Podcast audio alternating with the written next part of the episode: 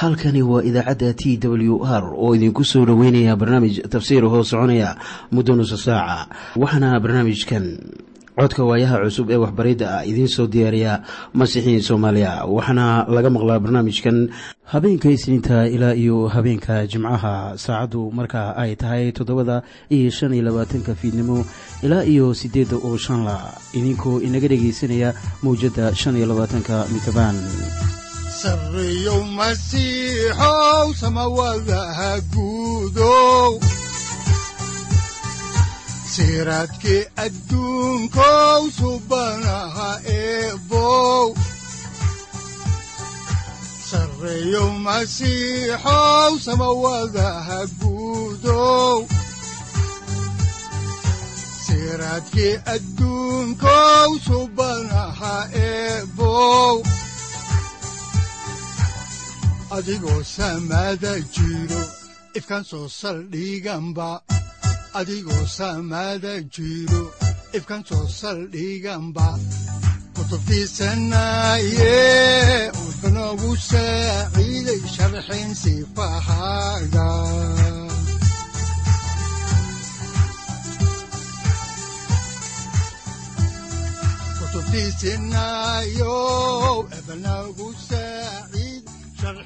ku soo dhowaada dhegaystayaal barnaamijkeenna dhammaantiinba.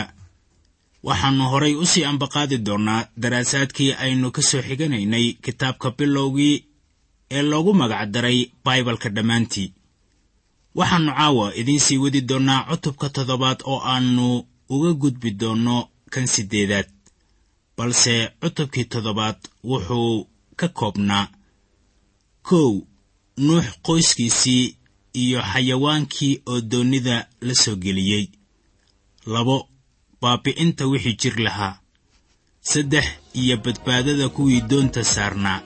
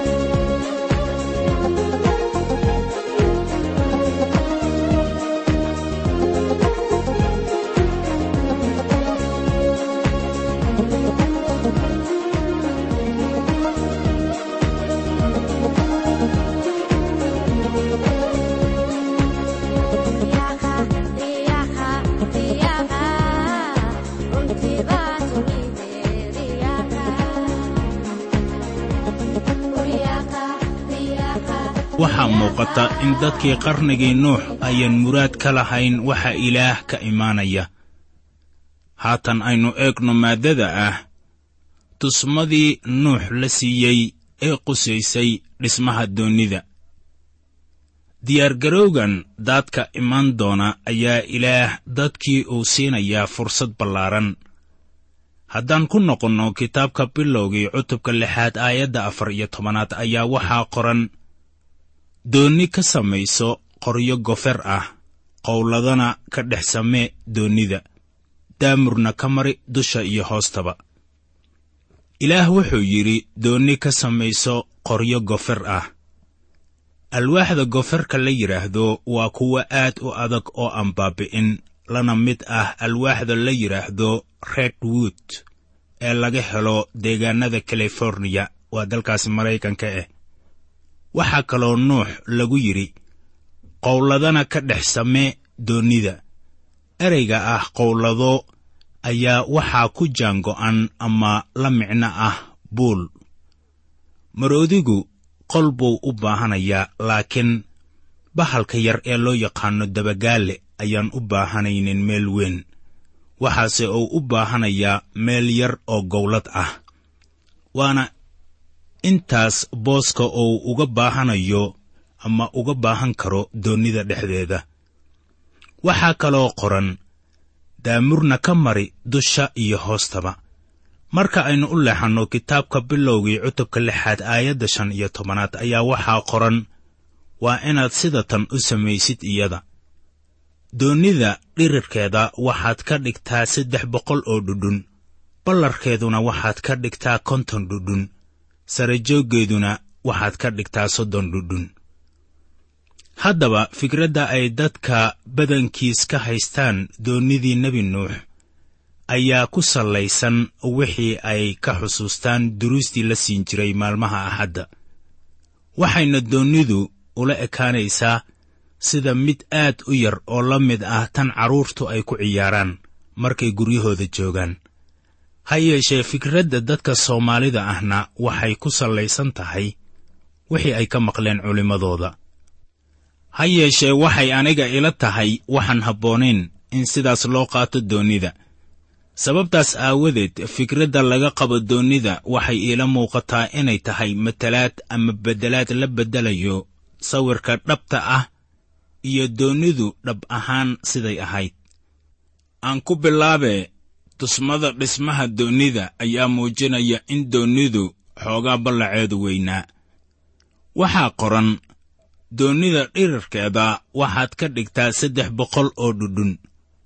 Haddii dhudhunkiiba uu la eg yahay siddeed iyo toban injis ayaa taasu ay ku siinaysaa qiyaasta ah inta doonnidaasu dhirarkeedu ahaa. Waxay su'aali ka imaanaysaa siday doonnida ugu samayn karayaan mid xoog leh wakhtigaas. Haddaba saaxib ka hadli mayno nin dibad joog ah. Waxaanse ka hadlaynaa nin xikmad sare leh.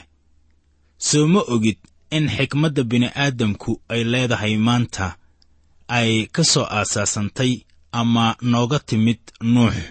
Wuxuuna ahaa mid waxgarashadiisu ay sarrayso. Nuux haatan samayn maayo markab badaha dushooda ku socda kaasoo u babacdhiga hirar dhirarkoodu gaarayo ilaa iyo konton fuut. Waxa uu dhisayo waxa weeye meel gabbaad u noqota nolosha. Hadday ahaan lahayd tan xayawaanka iyo tan dadkaba si ay halkaas u joogaan ilaa iyo wakhti mase ahayn inay ku dhex socdaan dabaylo.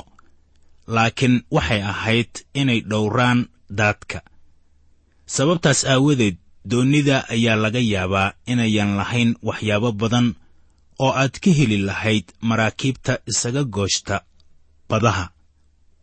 Sababtaas aawadeed waxay taasu siinaysaa doonnidii nuux qolal ka badan kuwa maraakiibta waaweyne ay leeyihiin.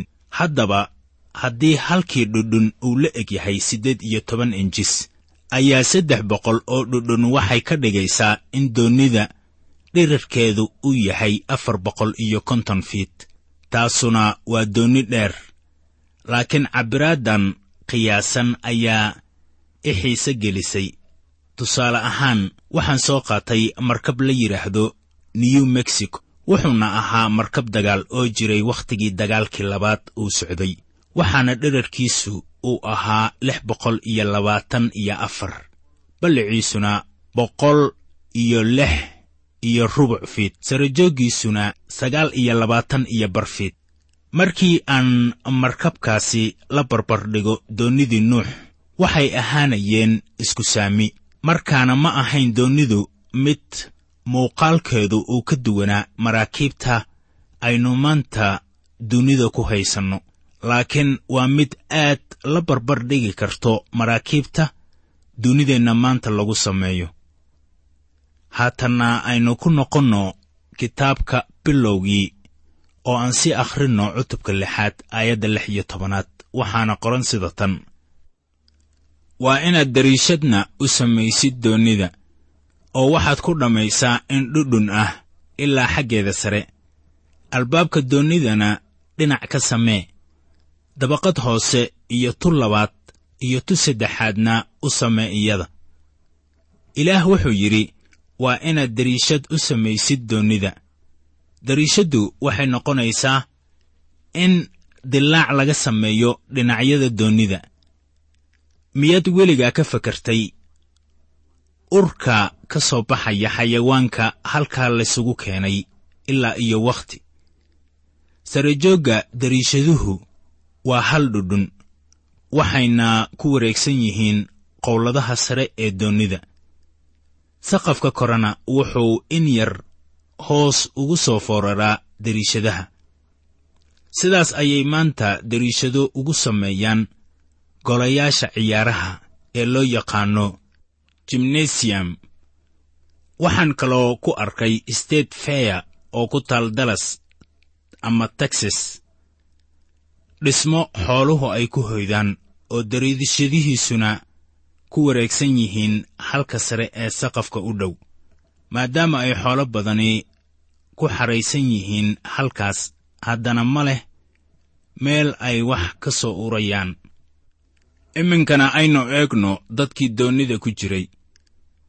Haddaan ku noqonno cutubka lixaad aayadda toddoba iyo tobanaad waxaa qoran oo bal eeg anigu daad biyo ah baan ku soo dayn dhulka inaan baabbi'iyo inta jidhka leh oo dhan oo neefta noloshu ku jirto. Inta samada ka hoosaysa wax kasta oo dhulka joogaaba way dhiman doonaan. Ilaah ciqaab buu dulkeenayaa dhulka oo waxay saamaynaysaa xayawaanka shimbiraha iyo dadka. Haddaan halkii ka sii wadno qisada cutubka lixaad aayadaha siddeed iyo toban ilaa labaatan waxaa qoran laakiin axdigayga adigaan kula dhigan doonaa oo doonidaad soo geli doontaa adiga iyo wiilashaada iyo naagtaada iyo naagaha wiilashaada oo kula jiraba. Oo wax kasta oo nool oo jir leh waa inaad cayn walba laba ka soo gelisaa doonnida si ay kula sii noolaadaan waana inay ahaadaan lab iyo dhadig haadda ceynkooda iyo xoolaha ceynkooda iyo wax kasta oo dhulka gurguurta ceynkooda ceyn walba laba ka mid ahi ha kuu soo galeen si ay u sii noolaadaan. Waxaa qoran ceyn walba laba ka mid ahi ha kuu soo galeen si ay u sii noolaadaan. Nuux ma ahayn ugaarsado weyn mana ahayn inuu daba ordo xayawaankaas laakiin iyaga ayaa u imaanaya xayawaanka khatarta ku jira ayaa sidaas yeela. Haddaba waxaynu garanaynaa markii daad xoog leh ardiga uu ka dhaco waxaad arkaysaa in duunyada oo dhan ay isku meel ku soo ururaan. Maxaa haddaba u sabab ah? Waayo markii xayawaanku uu khatar ku jiro dadku ayuu u soo dhowaadaa wakhtigii daadkii nuuxna ilama ahan in nuux wax dhib ah uu kala kulmay soo qabqabashadooda waayo xayawaankii oo dhan ayaa u yimid. Aynu horay u sii ambaqaadno cutubka lixaad aayadaha kow iyo labaatan ilaa laba iyo labaatan. Waxaana qoran cuntada la cuno oo dhanna qaado oo kulligeed ururso oo waxay idin noqon doontaa cunto adiga iyo iyaguba. Sidaasuu nuux sameeyey wax kasta sidii ilaah uu ugu amray buu u sameeyey. Nuux waa inuu sameeyaa haatan ficil. Waxaa loo baahanayaa raashin badan si xayawaankan loo quudiyo. Dadka qaar baa odhanaya laakiin qaar ka mid ah xayawaankaasu waxay cuneen hilib. Iyaga ayaa is cunay.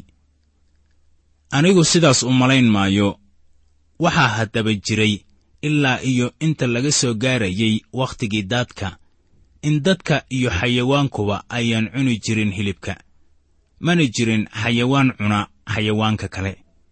Waxaa laynoo sheegay inay jiri doonto maalmaha ugu dambeeya in libaaxa iyo baraarku ay isla joogayaan oo libaaxuna cooska uu u cuni doono sida dibida. Ishaaciyah cutubka kow iyo tobanaad aayadaha lix ilaa toddoba ayaa inoo sheegaysa. Hubaashii taasu way dhacaysaa waayo sida abbaarta ah sidaasay ahaayeen asal ahaan xayawaanku. Bal haatanna aynu eegno maaddada ah nuux qoyskiisii iyo xayawaankii oo doonnida soo galay. Haatanna aynu dib ugu noqonno daraasaadkii aynu ka soo xiganaynay kitaabka bilowgii. Waxaanan idin akhrinaynaa cutubka toddobaad aayadda koowaad oo leh oo rabbigu wuxuu nuux ku yidhi adiga iyo dadka gurigaaguba soo gala doonnida waayo waxaan arkay adigoo qarnigan xaq ku ah hortayda. Haddaba aynu isweydinne muxuu nuux xaq ku noqday? Wuxuu xaq ku noqday waxa weeye rumaysad isla sidii wakhti dambe ibraahimna loogu tiriyey xaqnimo rumaysidkiisa darteed. Waxaana ku qoran cutubka shan iyo tobanaad aayadda lixaad ee kitaabka bilowgii oo rabbiga wuu rumaystay ilaahna taas wuxuu ugu tiriyey xaqnimo. Waxaa kaloo ku qoran cibraaniyadda cutubka kow iyo tobanaad aayadda toddobaad qayb ahaan sida tan oo rumaysad buu ku diyaariyey doonni in reerkiisu uu ku badbaado. Sidaasuu doonnida u xukumay uu ku noqday mid dhaxla xaqnimada rumaysadka ku timaada. Haddaba sababtaas ayay ahayd sababtii ilaah uu u badbaadiyey isaga. Weligaa ma ka fakartay sidii ilaah uu ugu nimceeyey ninka nuux ah wakhtigii xukunkan oo dhan. Aayadda koowaad wuxuu ku leeyahay adiga iyo dadka gurigaaguba soo gala doonnida waxaa sidaas oo kale dadka u soo dhowaynaya maanta sayid ciise masiix. Marka uu leeyahay sida ku qoran ii kaalaya kulligiin kuwiinna howshaysan oo culaabaysanow oo anigu waan idin nasin doonaa. Haddaba markii aan ku noqdo aayadda lix iyo tobanaad ee cutubkan waxaan ka akhrinaynaa waa qaybta ugu dambayse ah oo ilaah waa ku xidhay isagii. Miyaana taasu aad u wacnayn? Ugu dambayntana wuxuu cutubka siddeedaad ku furmayaa oo ilaah wuxuu xusuustay nuux. War maxay la yaab badan tahay? Ilaah si fudud buu ku iloobi karay nuux iyo wixii la jiray. Sannado ka dibna wuxuu odhan karay war yaa waan iloobay kuwii halkan ahaa. Waxaan geliyey doonni oo waan iska iloobay taasuna waxay ahaan lahayd wax aad u xun. Miyaanay kula ahayn saaxib laakiin ilaah ma iloobin. Ilaah wuxuu soo xusuustay nuux. Ilaah waxba ma iloobo. Adiga wuu ku xusuusan yahay. Waxa keliya ee uu xusuusanin waa dembiyadaada. Haddii aad ugu timaado samata bixin dembiyadaada soo xusuusan maayo. War maxay taasu wacan tahay? Haatan nuux iyo qoyskiisa waxay soo galeen doonnida miyaad garanaysaa in qisada nuux isla sida qisooyinka abuurista laga yaqaan dunida guudkeeda oo dhan. Waxaan jeclaan lahaa inaan idiin sheego isla qisadan sida ay u qoreen reer baabilon. Waxa keliya ee laga doonayaa waxa weeye inaad isbarbar dhigto oo aad eegto farqiga u dhexeeya qisooyinkaas kale ee ku saabsan daadka waa kuwo qaab daran oo aan dhegaha u wanaagsanayn runtuse waxa weeye in qaramada oo dhan iyo dadyowgu ay leeyihiin qiso ka hadlaysa uumistii iyo daadkii waxaana taasu ay ka markhaati kacaysaa inay wax ka jiraan arrinta. Saaxib waa qasab intaasu ay kuu sheegayso inay jirto aasaas runta ku saabsan. Dadkaasi oo dhan lama yimaadeen qorniin isku mid ah haddii ay sheeko bareley tahay haddii aad doonayso tan xaqiiqada ah waxaad samaysaa inaad labadii qiso isku barbar dhigto. Qisada ay reer baabiloon qoreen tusaale ahaan waa mid dhan waliba markaad ka eegto la dhodhoobay oo waxay leeyihiin wakhtigii daadka waxaa dagaal oo ka dhex bilowday ilaahyada oo midba mid buu la dirirayey oo waxay leeyihiin taasaa keentay daadka. Waxaase taas ka soo hor jeeda baibalka oo inoo sheegaya in daadku uu ahaa xukun ilaah uu kor saaray dadka dembiyadooda aawgii. Taasaana macquul ah. Aynu haddaba ku soo laabanno isla cutubka toddobaad aayadaha laba ilaa saddex oo leh. Xoolaha daahirka ah toddobo iyo toddoba ka qaad. Ku lab iyo dhedigiis xoolaha aan daahirka ahayna laba ka qaad ku lab iyo dhedigiis haadda hawadana toddoba iyo toddoba ka qaad lab iyo dhedigiis si farcan ugu sii noolaado dhulka dushiisa oo dhan. Haddaba xayawaankii daahirka ahaa buu ka qaaday toddobo. Waanan garanayaa waxa uu sidaas u yeelay. Kuwa aan daahirka ahayn labolabo ayay ahaayeen. Waa lab iyo dhiddige waxaa kaloo qoran haadda hawadana toddoba iyo toddoba ka qaad. Lab iyo dhiddig kuwaasuna waa kuwii daahirka ahaa. Haddaan ku noqonno daraasaadka kitaabka bilowgii cutubka toddobaad aayadda afraad waxaa qoran waayo waxaa weli hadhay toddoba maalmood. Dabadeedna afartan maalmood iyo afartan habeen ayaan roob ku soo dayn dhulka oo wax kasta oo nool oo aan sameeyey waan ka baabi'in doonaa dhulka dushiisa.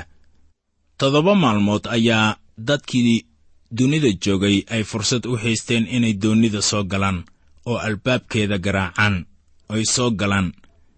Ilaah wuu badbaadin lahaa. Waxa keliya oo laga doonayay waxay ahayd inay ilaah rumeeyaan. Annagoo halkii ka sii ambaqaadayna faallooyinka kitaabka aynu haddana u leexanno cutubka toddobaad aayadaha lix ilaa sagaal oo leh nuuxna wuxuu jiray lix boqol oo sannadood markii daadku biyuhu dhulka dul joogay. Nuuxna doonniduu galay isagii iyo wiilashiisii iyo naagtiisii iyo naagihii wiilashiisii ee la jiray oo dhan. Waxayna ka soo galeen biyihii daadka xoolihii daahirka ahaa iyo xoolihii aan daahirka ahayn iyo haaddi iyo wax kasta oo dhulka gurguurtaba nuux bay labalaba ugu galeen doonnidii lab iyo dhedig sidii ilaah uu ugu amray nuux. Ma jirto meel qorniinku uu ku leeyahay nuux. Dibaddow aaday oo xayawaankii buu u soo kaxeeyey doonnida uu soo geliyey. Haddaba taas looma baahneen iyagaa u yimid. Iminkana aynu eegno maaddada ah baabbi'inta wixii jir lahaa iyo badbaadinta kuwii doonnida ku jiray. Innagoo sii ambaqaadayna qisada ku qoran kitaabka bilowgii ayaan haatanna eegaynaa cutubka toddobaad aayadaha kow iyo toban ilaa laba iyo toban. Sannadii uu nuux lix boqol oo sannadood jiray bisheedii labaad maalintii toddoba iyo tobanaad oo bisha isla maalintaas ayaa ilihii moolka weyn biyo ka buqdeen dariishaddii samaddana la furay. Roobkuna wuxuu dhulka ku da'ayey afartan maalmood iyo afartan habeen. Waxaa kaloo ku qoran aayadaha lix iyo toban ilaa toddoba iyo toban ee isla cutubkan sida tan soo socota oo kuwii galay waxay ahaayeen lab iyo dhadig oo wax kasta oo jir leh. Sidii ilaah ku amray isagii ilaahna wuxuu ku xidhay isagii. Daadkiina afartan maalmood buu dhulka dul joogay. Biyihiina waa sii kordheen oo doonnidii bay kor u qaadeen oo waxaa iyadii kor looga qaaday dhulka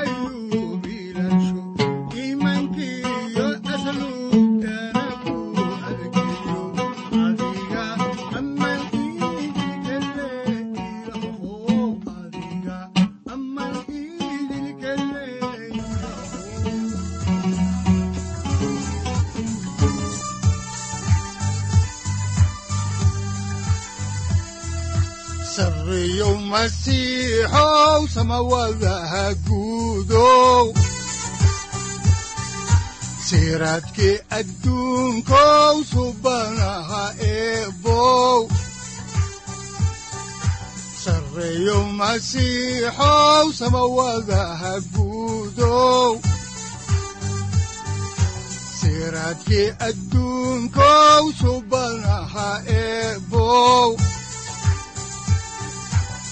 adigoo samaada jiro ifkan soo saldhiganba adigoo samaada jiro ifkan soo saldhiganba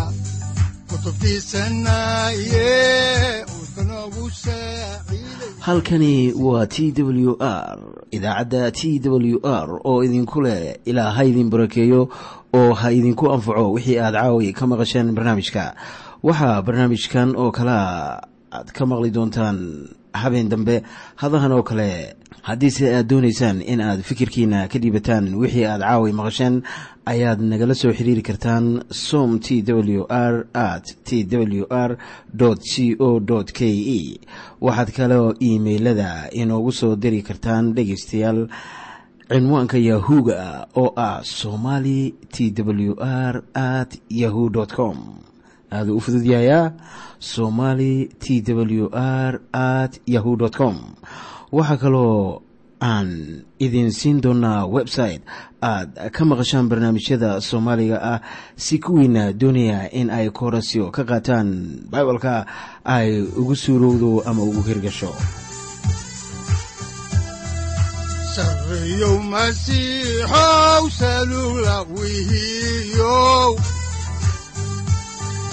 saacadda timid dhulka sabada ku dhalatiyo